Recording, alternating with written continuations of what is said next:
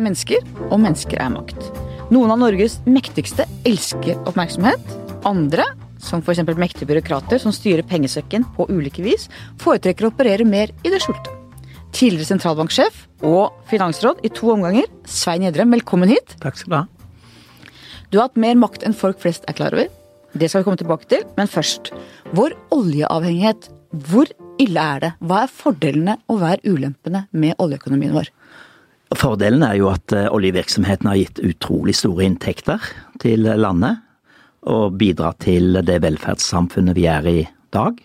Eh, så inntektene har vært eh, svært store. Og gitt mye jobber i oljeleverandørnæringen. Det har gjort landet i stand til å bygge opp en, en stor formue, finansformue, som vil være viktig for kommende generasjoner også, hvis den forvaltes på en god måte. Og ulempene? Er det noen ulemper ved å være rik? Det, jeg syns det er litt, litt krevende, slik det, det vi har sett av andre land som har funnet olje det er at de ikke har greid å håndtere det på en god måte. Venezuelas at, oljeminister sa, kalte jo i sin tid oljen for djevelens eksperiment. Ja, Vi har jo ja, sett hvordan det har gått med Venezuela, ja, det har ikke gått bra. Det har ikke gått bra, og det er mange eksempler i um, mer fattige land, fremvoksende økonomier, på at det ikke har gått bra. Det er også mange eksempler i velutviklede land. Canadas eh, stater har hatt problemer, Alaska har hatt problemer med å håndtere oljerikdom. Nederland på 60-tallet.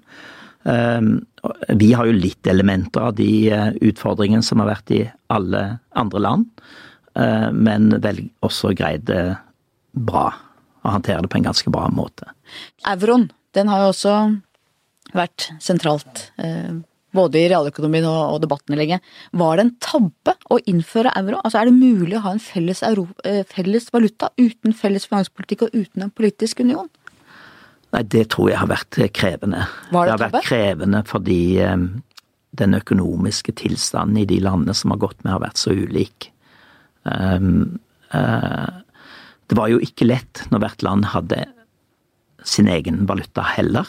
Uh, det var krevende for franskmennene, eksempel. Og det var store økonomiske problemer på 80-tallet i, i Europa. Så det er ikke slik at det var et lykkeland. Eh, men ambisjonsnivået man hadde med å ta inn så mange land, ta inn Hellas, ta inn Italia, ta inn Portugal, og senere også eh, sentraleuropeiske land, vil jeg tro de fleste, mange, veldig mange, syns var for ambisiøst. Eh, kunne det vært avgrenset til Frankrike, Tyskland, Benelux-landene, kanskje Østerrike, Finland, så hadde det nok vært enklere å håndtere, fordi den økonomiske situasjonen der var mer lik. Og så er det jo en konstruksjonsfeil eh, at det ikke er et eh, finansdepartement. For en sentralbank uten en finansdepartement, det er bare en halv, halv sentralbank, etter mitt skjønn. Ja, for du må ha en felles økonomisk politikk også? Bak der, eh, og, og litt makt i et politisk apparat. Litt styring på Litt styringskraft i et, i et politisk apparat er også viktig for for den økonomiske utviklingen, også for de oppgavene som en sentralbank har. Og, og det mangler jo ikke her til lands. Nei. Dette vet du mye om. Nei, jeg vet jo også ihuga EU-tilhengere, eh, selv tidligere statsminister for Arbeiderpartiet, uten å nevne navn, mener nok at, ikke, at Norge ikke kunne gått inn i eurosamarbeidet for at vi har en motsatt økonomi enn veldig mange land i Europa. Hva tenker du om det? Det var eh, Ja, det ikke passet også veldig godt hadde ikke passet oss så veldig godt. Og det er jo blitt mindre aktuelt. Fremstår som enda mindre aktuelt som følge av de økonomiske problemene som har vært ute i, ute i Europa. Hva stemte du i 94? Det vil jeg holde for meg Nei. selv. ok. Ja. Jeg får ikke lurt deg etterpå? Nei. Nei. Det er ikke sikkert jeg stemte det samme i å nei? Eh, på 70-tallet og på 90-tallet. Men det, var, mer vil jeg ikke si. Nei, men du, Da kan jeg bare resonnere litt, da. For du var jo student på 70-tallet på universitetet hvor nesten alle sa nei i den tida. Mens, det, mens alle blir litt klokere med alderen, så jeg går for å si nei til to, i 72 og ja i 94. Du vet, du vet i Finansdepartementet, embetsverk, så var det stor skepsis på 70-tallet. Og det var, eh, det, var off, det var kritikk av finansministeren, noe som ikke har skjedd verken før eller senere, av um, måten det ble måten man beskrev de økonomiske virkningene av et EU-medlemskap på. Man mente det ble for mye propaganda, Ja. rett og slett? Ja. Og hva var skepsisen grunnlagt i? Var det økonomiske Nei, det forhold eller politikk? man, nei, det var eh, rett og slett prognosen for den økonomiske virkningen av å bli medlem. Dette visste det- jeg ikke. Er det kjent? Det er veldig kjent, så hvis du leser noe du kanskje bør gjøre, Finansdepartementets historie, så er det en prominent, prominent eh, plass der. Ja. Eh, Tysklands rolle i eurosamarbeidet. Eh, mange mener at de har vært den store vinneren, og at de egentlig burde vært rausere gjennom krisene med Hellas og andre. Hva tenker du om det? Det er litt komplisert. Det er virkelig komplisert.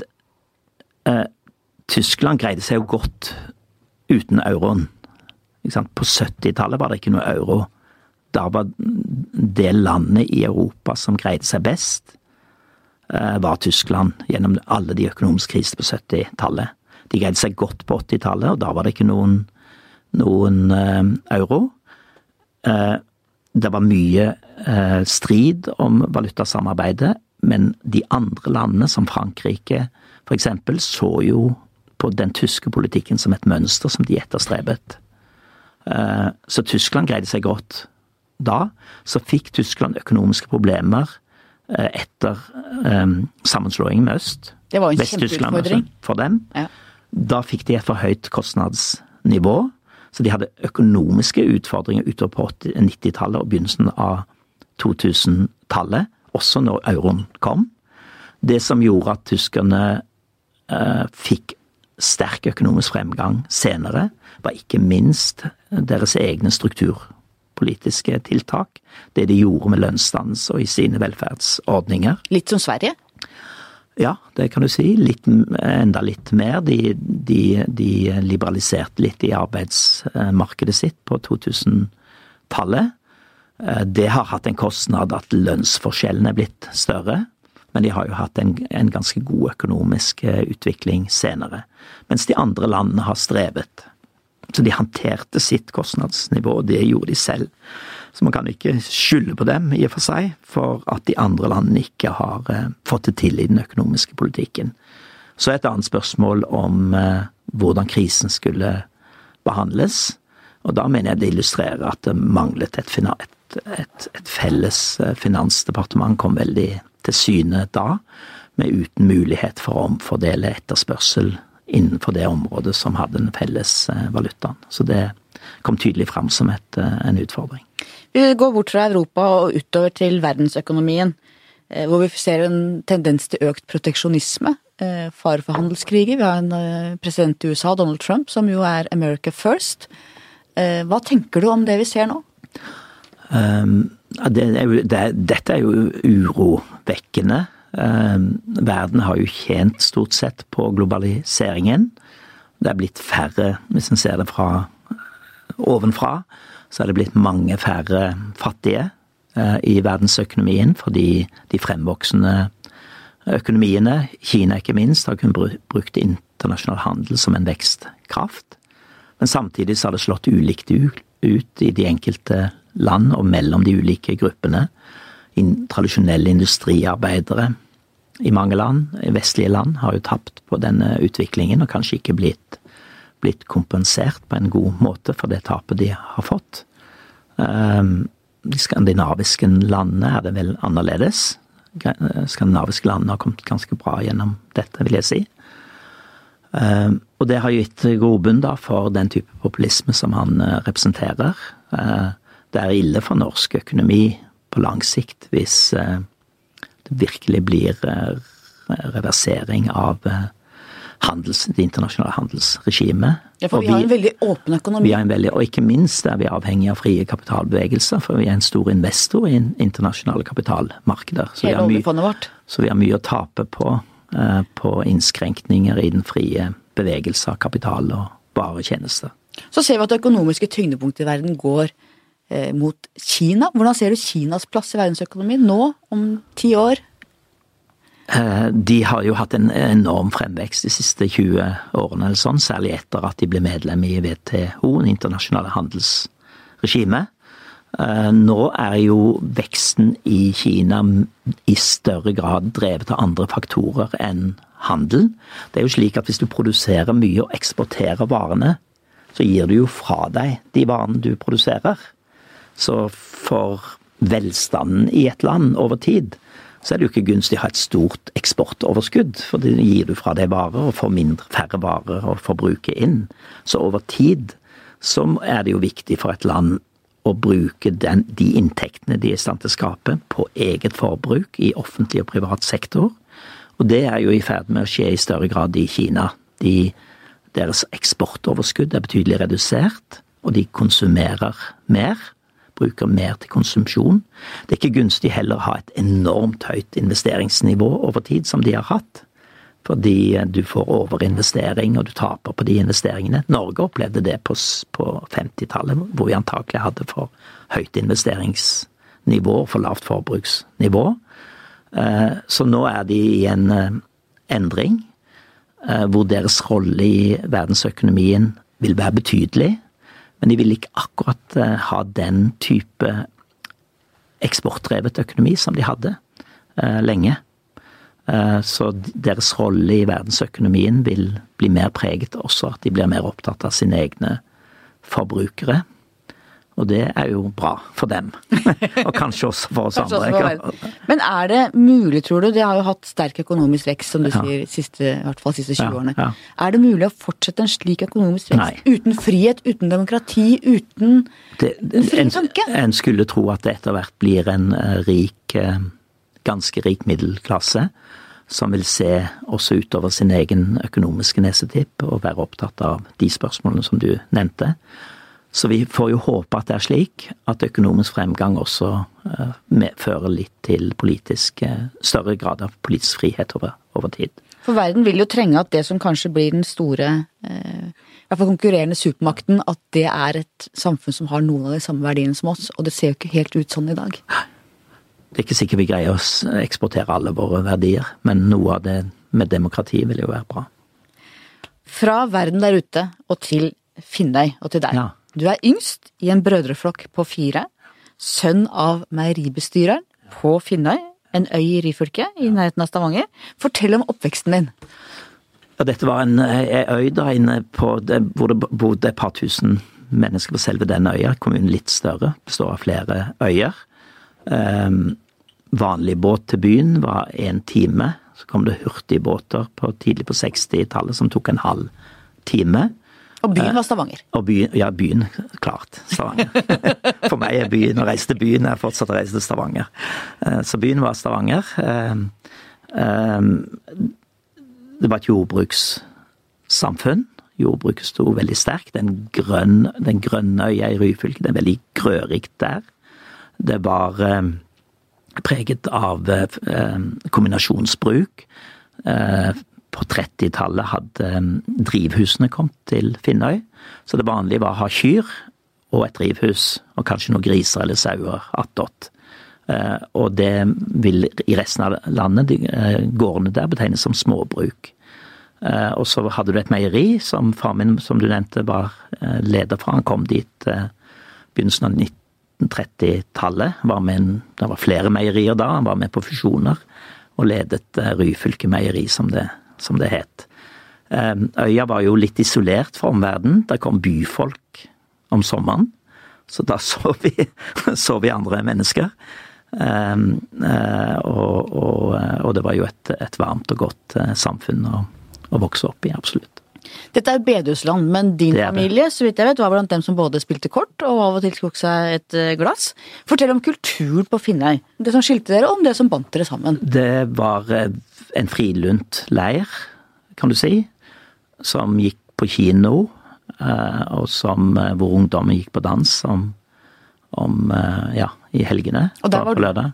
Jeg var nok i den gjengen, ja. Det kan jeg trygt si. Så var det en jeg merket ikke så mye til dette på 50-tallet, begynnelsen av 60-tallet. Så var det i Ry på Ryfylkeøyene en vekkelse. Jeg, jeg, tror det er den siste store vekkelsen som gikk over uh, Ryfylkeøyene. Uh, og det var uh, en um, emissær som het Ane Omno, som var bror til en kjent politiker som het Kjetil Åno. Uh, og han hadde, hadde da vekkelsesmøter på, på bedehusene rundt på Finnøy på begynnelsen av 60-tallet, 62-63. Og da var det mange som ble omvendt, eh, både av yngre eh, og, og eldre. Og det var jo et skille mellom kirken og presten på den ene siden, og lekmannsbevegelsen, og dette var virkelig lekmannsbevegelsen. Det var ikke åpen konflikt, tror jeg, med kirken, men mange gikk nok heller på bedehuset enn, eh, enn i kirka på søndagene eh, også. De ungdommene da som ble religiøse, de Jeg tror ikke det ble sett på som riktig å gå på kino, og det ble ikke sett på som riktig heller å drive, spille fotball, eksempel. Så sent som på begynnelsen av 60-tallet i disse gruppene. Så det ble litt skille. Um, ja, og de mer, ble da mer opptatt av, av, den siden. De religiøse bevegelsene var jo go en god ting for mange. Uh, så det var ikke slik at jeg følte at uh, dette var en ulykke for øya. Tvert imot. det var varme, mye varme rundt, rundt bedehusene på, på Finnøy. Jeg har jo røtter på Finnøy, ja, som ja, du veit. Ja. Og det tror jeg var mer bedehusdelen av øya.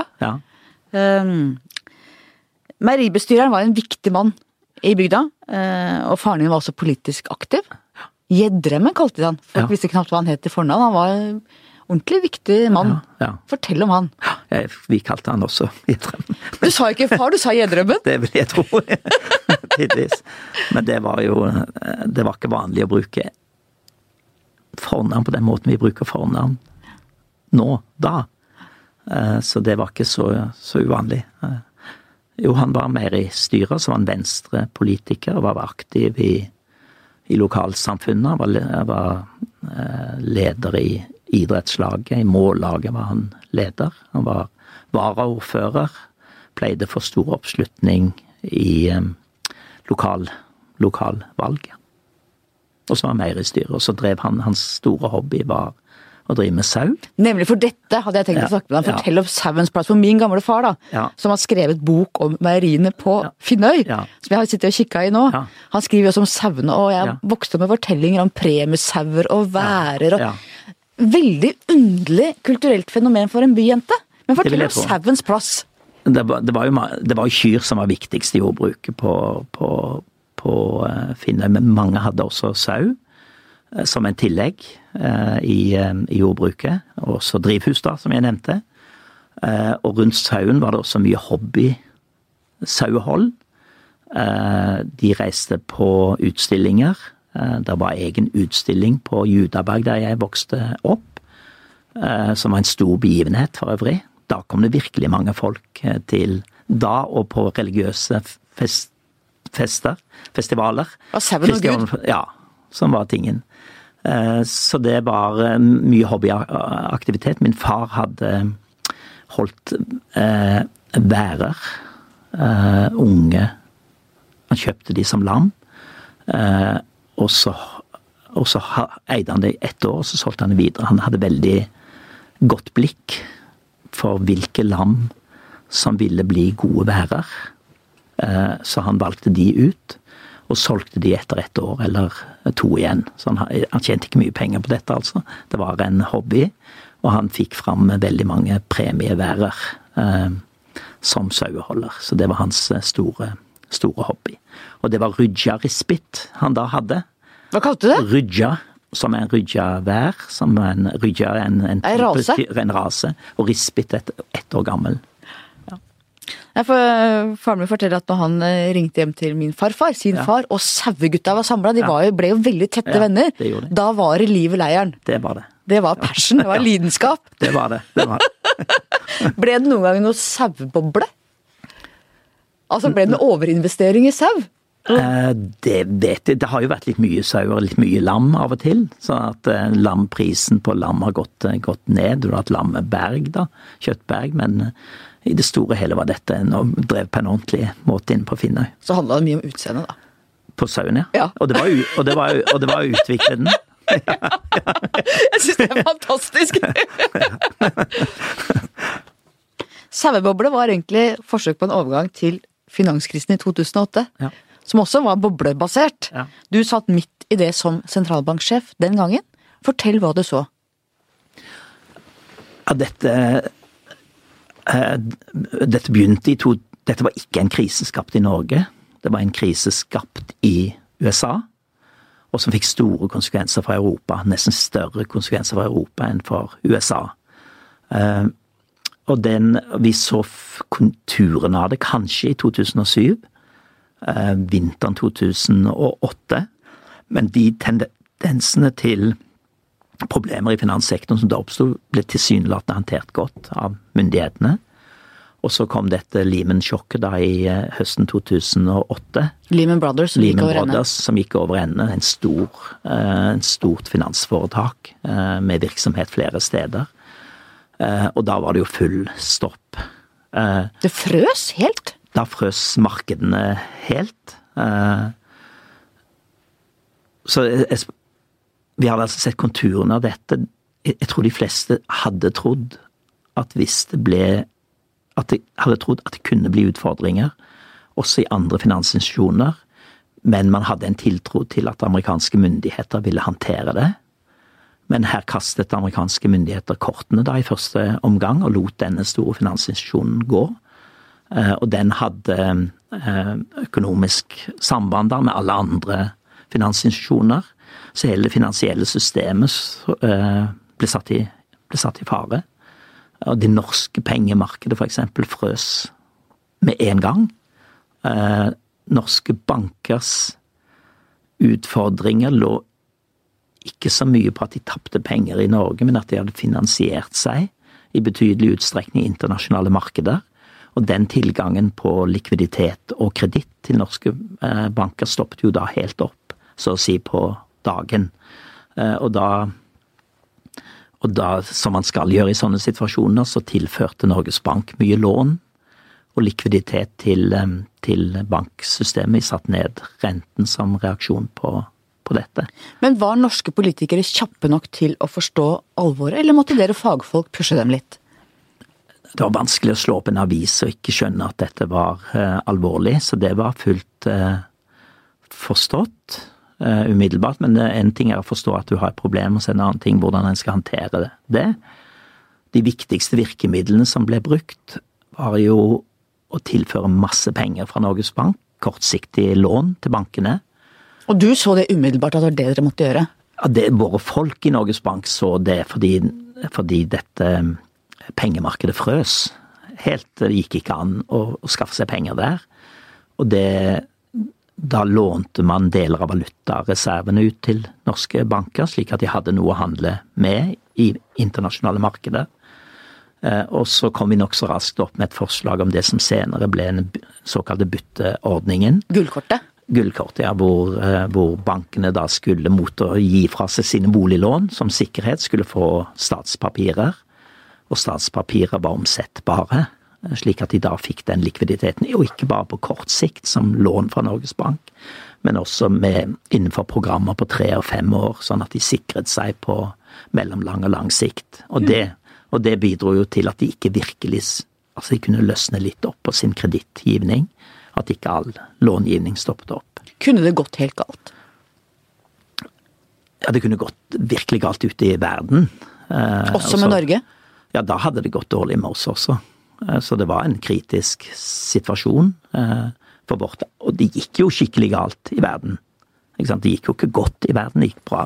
Vi kom relativt raskt ut av det. Ja, For det gikk ikke så gærent med Norge? Det var det jeg spurte om. Kunne det gått dårligere med Norge enn det gjorde òg? Ja, det kunne hvis man ikke hadde gjort eh, som man skal gjøre i slike situasjoner. Så kunne det vel ha gått galt hvis man hadde, hadde latt krisen i banksystemene utvikle seg. Og nøkkelen lå der Eh, så, så snart bankene igjen følte seg relativt trygge, så, eh, så gikk det brukbart igjen eh, i norsk økonomi. Og når vi ser på det i ettertid, så reiser reise spørsmål om, om det egentlig var nødvendig med de store finanspolitiske pakkene som ble gjennomført. Men det er i ettertid, altså ikke i, i, i sanntid.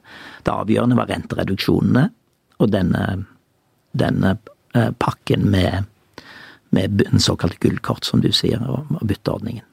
Når du snakker om bankkriser, så er ikke den Når jeg tenker på bankkrise, så er det ikke denne bankkrisen, men den i, på begynnelsen av 90-tallet som er den store bankkrisen.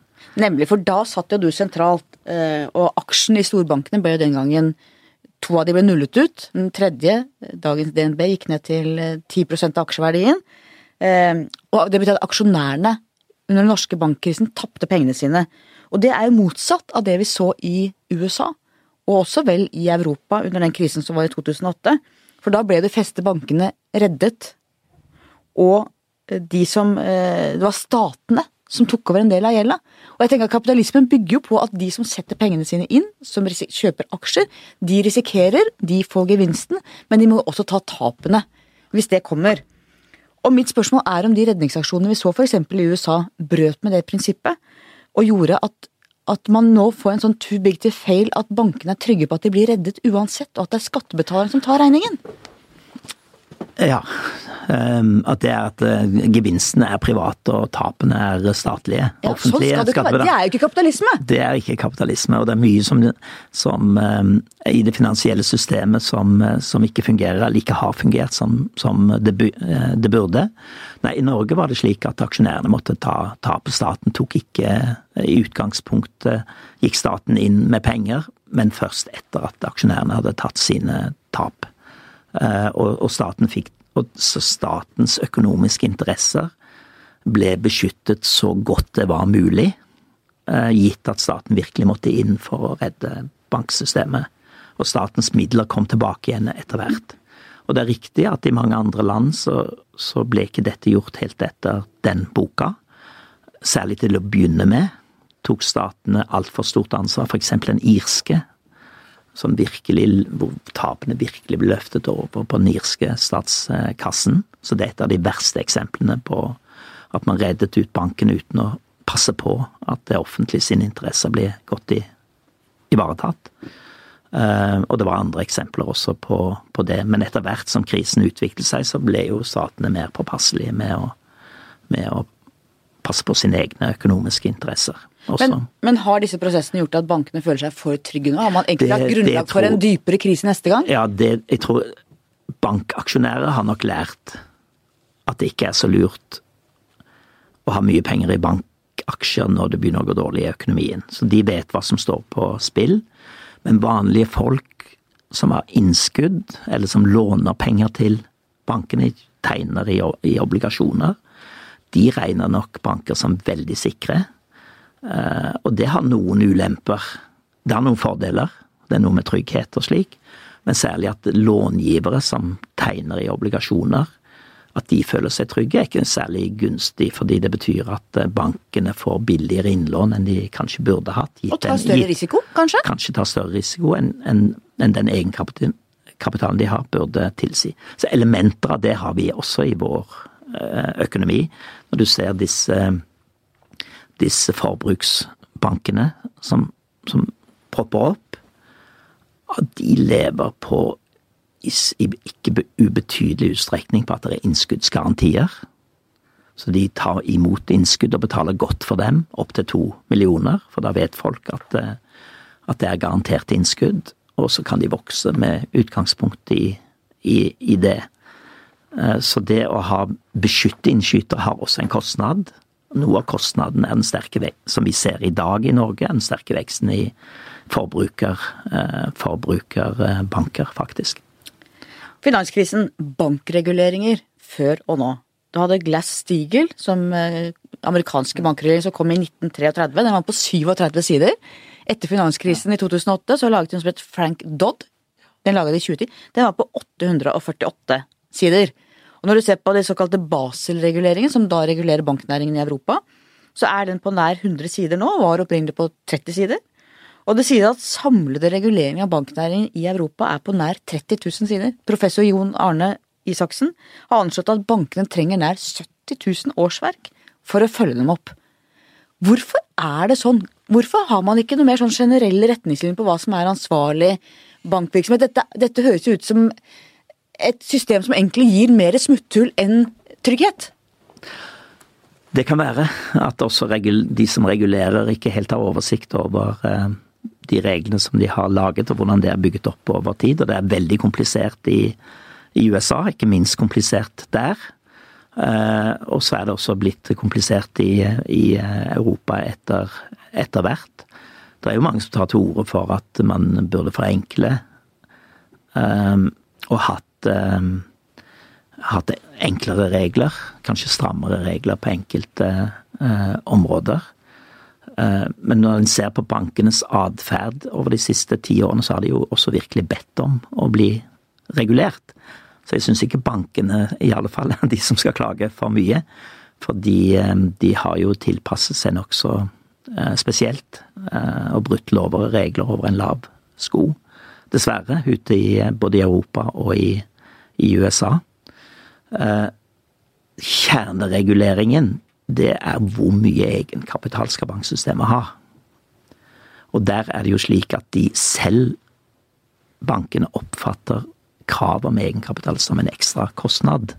Fordi egenkapital er dyrere enn å lånefinansiere. Eh, og så er det utfordring som vi snakket om i stad, at långiverne ikke er flinke til å differensiere hvilken rente de tar, avhengig av hvor mye egenkapital banksystemet har. For de føler seg trygge, for de er blitt reddet mange ganger. Så det er noe av dilemmaet. Tidlige redningsoperasjoner øker ikke sant?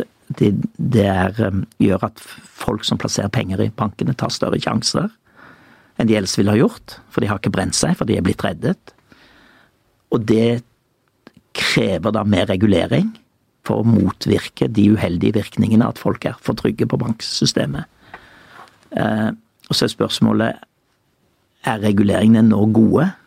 Eh, ute i, i Europa så mener jeg at bankene har altfor liten egenkapital fortsatt. Men da snakker det. du egentlig om For det, et egenkapitalkrav er jo ikke 10 000 sider. En, det er på en måte et tall. Veldig, ja. Så det, kunne, det, er derfor jeg tenker det må kunne gå an å lage noen sånn helt bestemte, absolutte regler som gjør en del av den jobben som alle disse eh, sidene egentlig holder på med, da. Det skulle man tro. Jeg tror Hadde dette blitt lagt i Norge, så hadde det sett eh, mye enklere ut enn det det faktisk eh, gjør. Og det er andre tradisjoner i USA og i, ute i Europa. Så det blir lett veldig mange sider når de setter i gang ute i, i Brussel og i, i, Washington.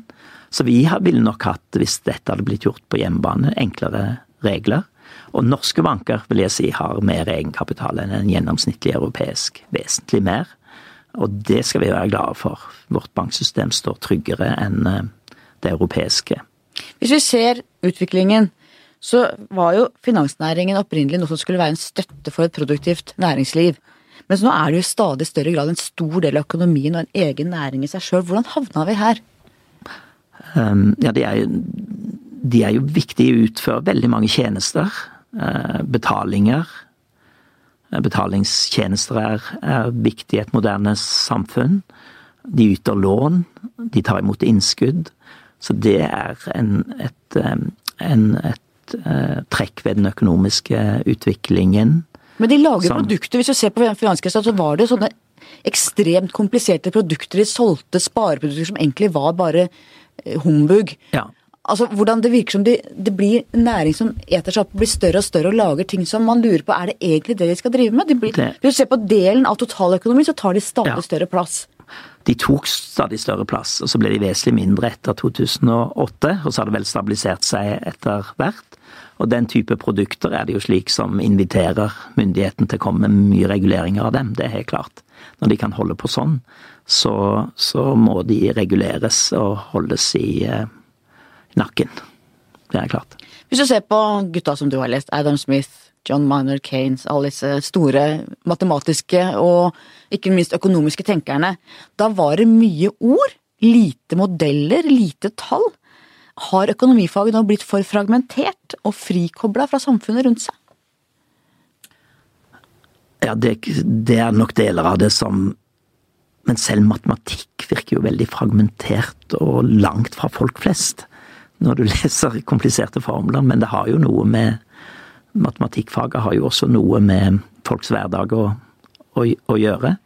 Eh, ja, det er blitt eh, fragmentert, med de beste økonomene i verden de er også veldig gode på samfunnsspørsmål. Det har vært mange som, som er blitt eh, fremtredende i, i, den amerikanske sentralbanken, f.eks.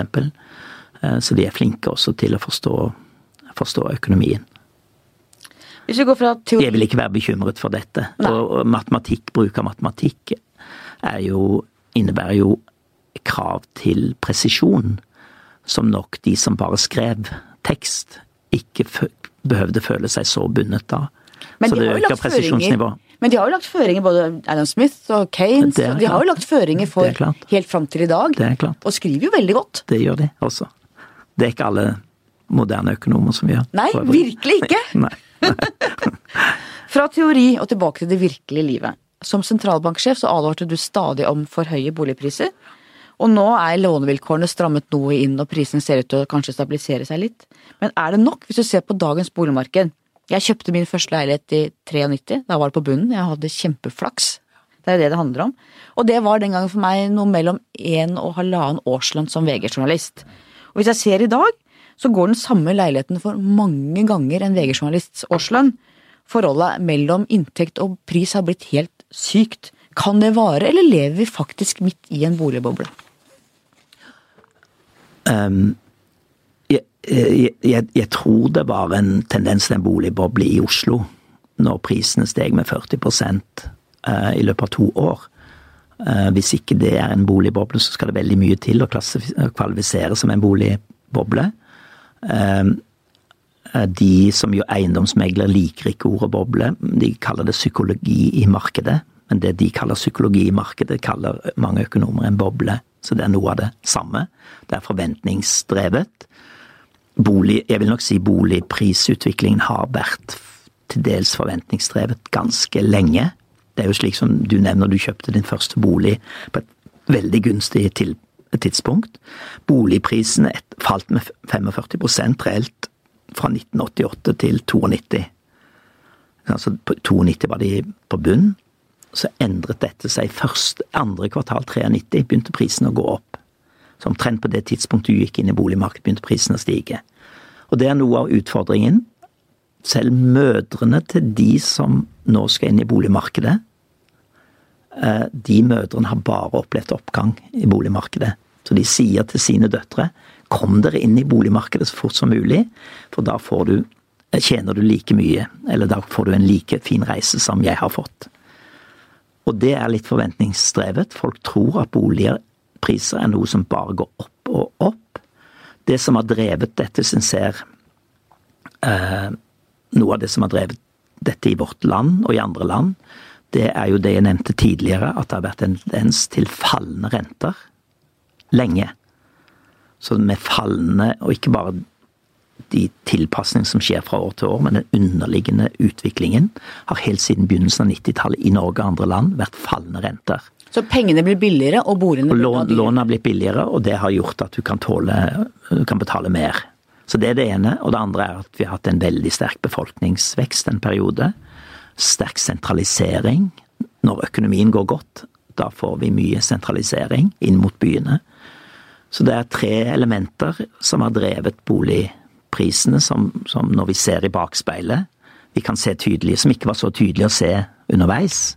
Så når vi trodde boligprisen var høy i 2005, så hadde vi ikke tatt inn over oss hvor lave rentene skulle bli i 2012 og 2015, eller hvor utrolig mange folk som skulle komme hit, og hvilken befolkningsvekst vi skulle få på 2012 og 13 og 14. Mange av disse faktorene vil jo endre seg fremover. Befolkningsveksten i Norge vil antakelig bli vesentlig mindre. Vi hadde en befolkningsvekst på 65 000 her et par år. 12, 11, 12, 13. Nå er den nede på 45, kanskje går den mot et eller annet sted på 30-tallet, slik det nå ser ut. Så vi får ikke det trøkket fra befolkningsveksten, antakelig. Og så er jo rentene, må vi tro, kommet til et lavpunkt, og at det nå ikke kan falle ytterligere trendmessig. At, vi, at den snarere kanskje vil eh, kunne vende litt, eh, litt opp igjen. Så mange av de faktorene som har drevet det særnorske boligprisnivået, eh, og den spesielle utviklingen vi har hatt, er nok bak oss. Får vi kanskje også håpe for nye boligkjøperes del.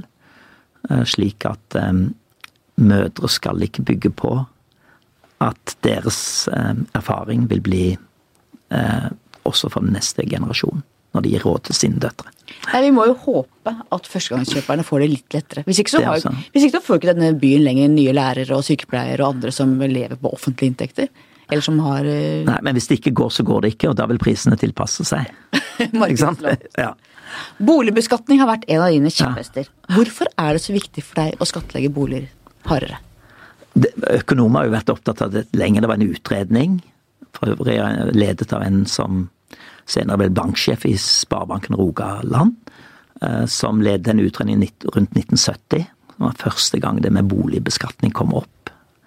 Eh, da tok ikke Arbeiderpartiet som satt med makten veldig sterk avstand fra den utredningen, og gikk på en dårlig valg, annet som følge av det.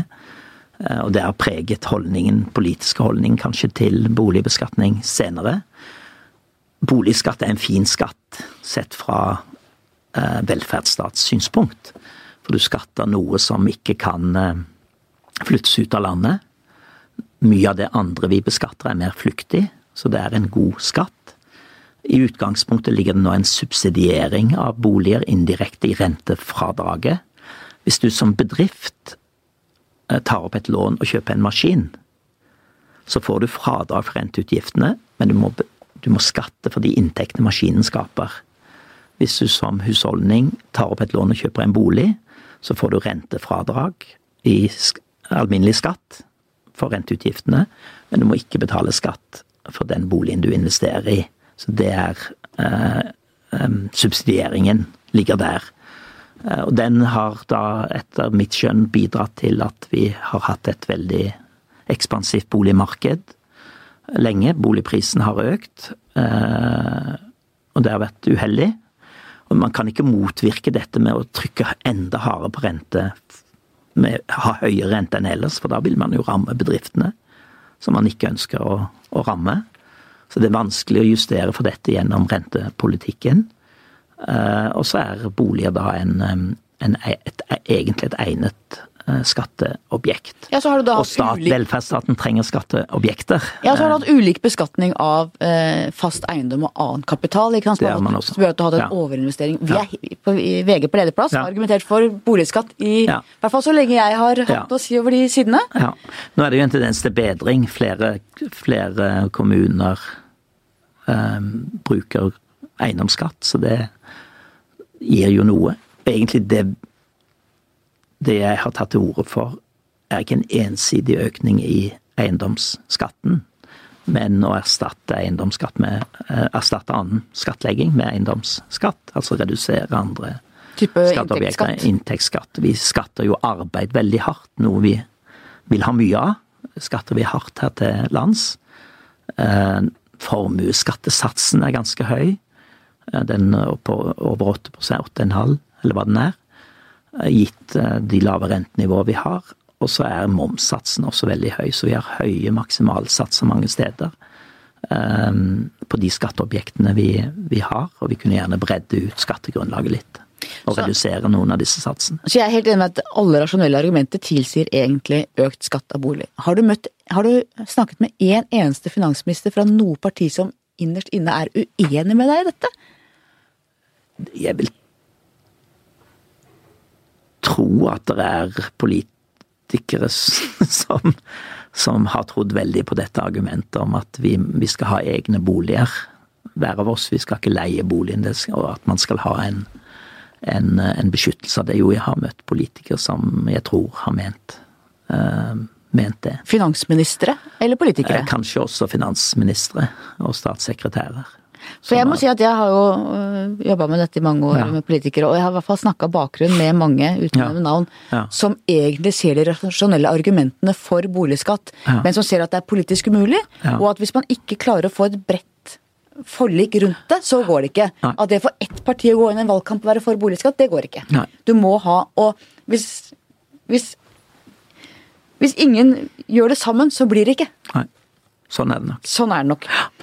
Eh, formuesskattene det har vært det store stridstemaet nå de siste årene. Har det noen effekt på sysselsettingen å senke formuesskatten? Som jeg var inne på, så, har vi en ganske høy sats. Vi har en sats på 0,85, tror jeg det er. Eh, og rentenivået er veldig lavt for innskytere og andre, så vi beskatter kapital ganske hardt. Realrentene i økonomien realavkastning på investeringer er ikke så høy som den var i gamle dager. Så den satsen vi har er ganske høy, så vi tar mye fra, fra de som er i skatteposisjon på marginen. Eh, Så det, det, det vil jeg si, at man kunne gjerne hatt en lavere sats på den ene siden. På den andre siden så tror jeg ikke du kan tenke at vi kan tenke oss at vi har et skattesystem uten arveavgift, uten eh, formuesskatt og uten eiendomsskatt. I andre land er jo dette viktige skatteformer. Eh, eh, eh arvesavgiften. Og formuesskatten kan du se på som nokså lik i sin form og tenkning som en arveavgift. Eh, andre land betyr eiendomsskatt mye. Arveavgift betyr mye i mange land som, som inntektskilde for staten. Så jeg tror ikke man kan se for seg at vi ikke skal ha noe av dette. Verken arveavgift, eiendoms, statlig eiendomsskatt eller, eh, eller formuesskatt. Dette er helt enig. Jeg syns det var så feil at man fjerner arveavgiften. Hvis det er noe som skaper økonomiske forskjeller, så er det mellom de som arver Eh, gjerne 68-foreldrenes hus, ikke sant, og de som ikke arver. Og eh, Trond Giske sa jo i sin tid, foreslo i sin tid som næringsminister at du tok bort formuesskatten, men gjorde det med boligskatten. At disse tingene henger sammen. Og de som er mot formuesskatten, klarer ikke å gi noe klart svar på hvordan mener de da at de rikeste i Norge skal betale skatt. Og hvis ikke de rikeste i Norge betaler skatt, så mister du tilliten til hele skattesystemet. Hvorfor skal jeg betale skatt, hvis ikke de som har milliarder av kroner betaler sin andel? Så Mitt spørsmål er, trenger vi egentlig en helhetlig gjennomgang av hele skattesystemet, hvor alle legger kjepphesten sin til side og sier ok, la oss få et system som fungerer, som skaffer inntekter, og som er fordelingsmessig rettferdig? Det kunne man hatt, og det har man fra tid til annen. Lenge siden som, sist, da? Ja, det var jo en, man er jo inne i en skattereformperiode nå. Eh, med reduserte satser for bedriftsbeskatningen. Så det er slik skattesystemet i vårt land endres. Det er gjennom enighet på kryss og tvers i det politiske landskapet. Men man har jo nå disse hellige hestene og så er det noen hellige kuer. tydeligere og tydeligere, da. Så er Sånne hellige kuer, ja. Det er helt klart. Hellige kuer heter ja, det. Kuer? Kanskje sauer? Men hvordan er skattenivået i Norge samla sett, hvis du ser på eh, sammenlignet med andre land det er naturlig ja. å sammenligne med? Ligger vi veldig høyt, eller ligger vi omtrent der vi skal være? Eh, vi ligger ikke, vi er ikke blant de høyeste, men vi har ganske høyt skattenivå sammenlignet med andre land. Og så har vi jo en grunn til at vi ikke har kjempehøyt. Det er jo at vi har de høye inntektene fra, eh, som vi tar inn fra oljefondet, da, eller Statens pensjonsfond utland, som gjør at vi kan ha en veldig høy offentlig utgifts, utgifter som andel av verdiskaping i fastlandsøkonomien, eh, uten å ha et så kjempehøyt skattenivå. Du har jo tjent under mange finansministre, både som eh, øverste embetsmann i Finansdepartementet og som sentralbanksjef. Hvem er din favoritt gjennom alle tider av finansministrene? Det vil jeg ikke gi karakter. Alle mine finansministre har vært eh, dyktige personer. Um, Finansdepartement, internt i Finansdepartementet, den store finansministeren i etterkrigstiden. Vet du hvem det er? Det er Trygve Bratteli. Ja, det tror jeg på. Høyest, det tror jeg på. Han, han ligger høyest. Så ellers har det vært finansminister. Hvorfor det? Hvorfor det? Jo, han var stram. Eh, og det var orden og reda i, i sysakene. Han var ordentlig og systematisk så holdt han igjen på offentlige utgifter. Hans neste... Eh, taktikk var jo slik at når du kommer inn i Finansdepartementet, så er det en lang gang du må gå. Og de som vil ha penger, kan bli litt svette på den lange turen. Og det er meningen! og så kommer de inn på et kontor, og der satt Trygve Bratteli, og så sa han ingenting. Så de som begynte først å argumentere for økte utgifter, de endte ofte opp med å gå fra møtet med å ha gitt fra seg noe. For han De fikk ikke napp. Eh, de fikk ikke napp, så han var taus. En taus finansminister, det kan være bra. Og det er nemlig mitt neste spørsmål. Er en finansminister med økonomisk utdannelse en fordel eller ulempe i jobben? Trygve Bratteli hadde jo ikke noe nei, utdanning. Nei, vi har hatt eh, Det vil jeg si er eh, det er ikke en nødvendig betingelse å være en eh, økonom for å være en god finansminister. Jeg har jobbet under flere. Gudmund Restad. Gunnar Berge. Gunnar Berge, Sigbjørn Johnsen, som ikke hadde høyere utdanning. De, de, de tre og ikke var utdanna som, eh, som økonomer. De var jo gode finansministre. I historien så er det nok eksempler på økonomer som er finansministre som ikke har så godt ry, og det var eh, Bjerve på begynnelsen av 60-tallet Ehm, vi hadde Myhrvold på slutten av 60-tallet. Ehm, vi hadde ehm, Per Kleppe, som det jo er veldig ulikt syn på, og som vi kanskje ikke har hørt så veldig mye på embetsverket nødvendigvis. Så det er økonomer som ikke er øverst på listen når en lager rangeringen. Nå har jeg omtalt bare de som, eh, når det gjelder rangering, de som, eh, som jeg ikke jobbet, har jobbet mye for. Mm. Fordi at eh, Finansdepartementet tiltrekker seg jo de dyktigste, mest skarpskodde økonomene. Og en politiker som har økonomisk utdanning er kanskje ikke så, så skarpskodd, men vil da likevel kanskje gå litt i næringa til embetsverket og overprøve, mens en politiker vet hva som er arbeidsdeling. Dette er politikk, dette er økonomi. Eller fag. Sånn kan det være, men vi har jo økonomer som har vært veldig gode finansministre. Så det, så det utelukker, ene utelukker ikke det. Hvem da, for eksempel?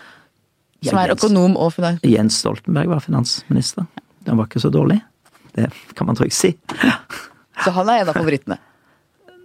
Ja, det, jeg har mange favoritter. Vi har en god finansminister nå.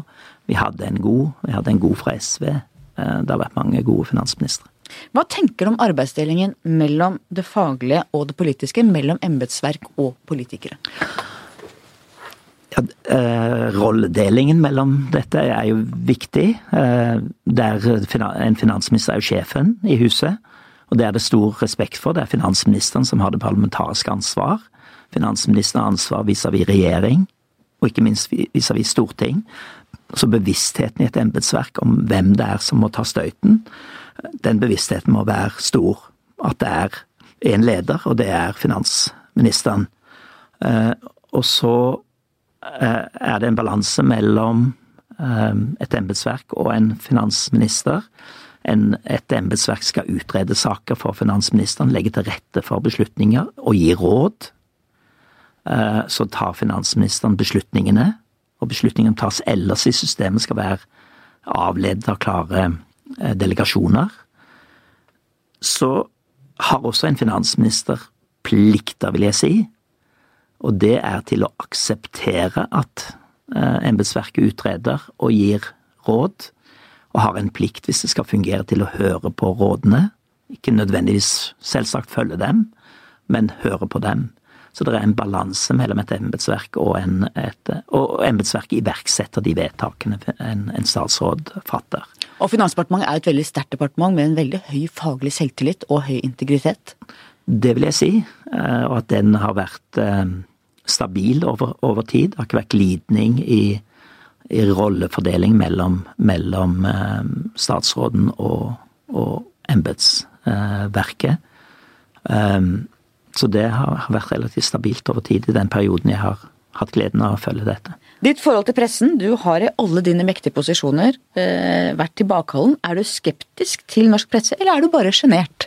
Det er nok Jeg vet ikke om jeg lenger kan si at jeg er sjenert. Men eh, som, som embetsmann i Finansdepartementet så mener jeg det er veldig klart skille mellom en embetsmann og en politiker, og at politikken skal være finansministerens og ikke embetsverkets. Embetsverket er rådgivere og har ikke en rolle i det offentlige landskapet. Det har vært enkelt embetsmenn som har kunnet spille en slik rolle, fordi de har hatt en mer ikke sitte så nært på. Planleggingsavdelingen var jo tradisjonelt en, en avdeling i Finansdepartementet hvor lederen der var mer i det offentlige enn andre embetsmenn. Eh, men det var mer ut fra rollen. Så der har jeg ment, og mener det fortsatt, at embetsmennene er rådgivere for statsråden, og ikke de som skal uh, presentere ting. I Norges Bank er det jo annerledes, for der er kommunikasjon virkelig et viktig del av pengepolitikken. Hvordan man kommuniserer rundt den. Som har vært utviklet over tid. Og det mener jeg jeg deltok i helhjertet i den kommunikasjonen om pengepolitikken. Men det var på det faglige. Noen, eh, noen eh, journalister er nysgjerrige på andre ting enn faglige ting, og det har jeg ikke vært så veldig opptatt av å være åpen om. Du har vært med lenge.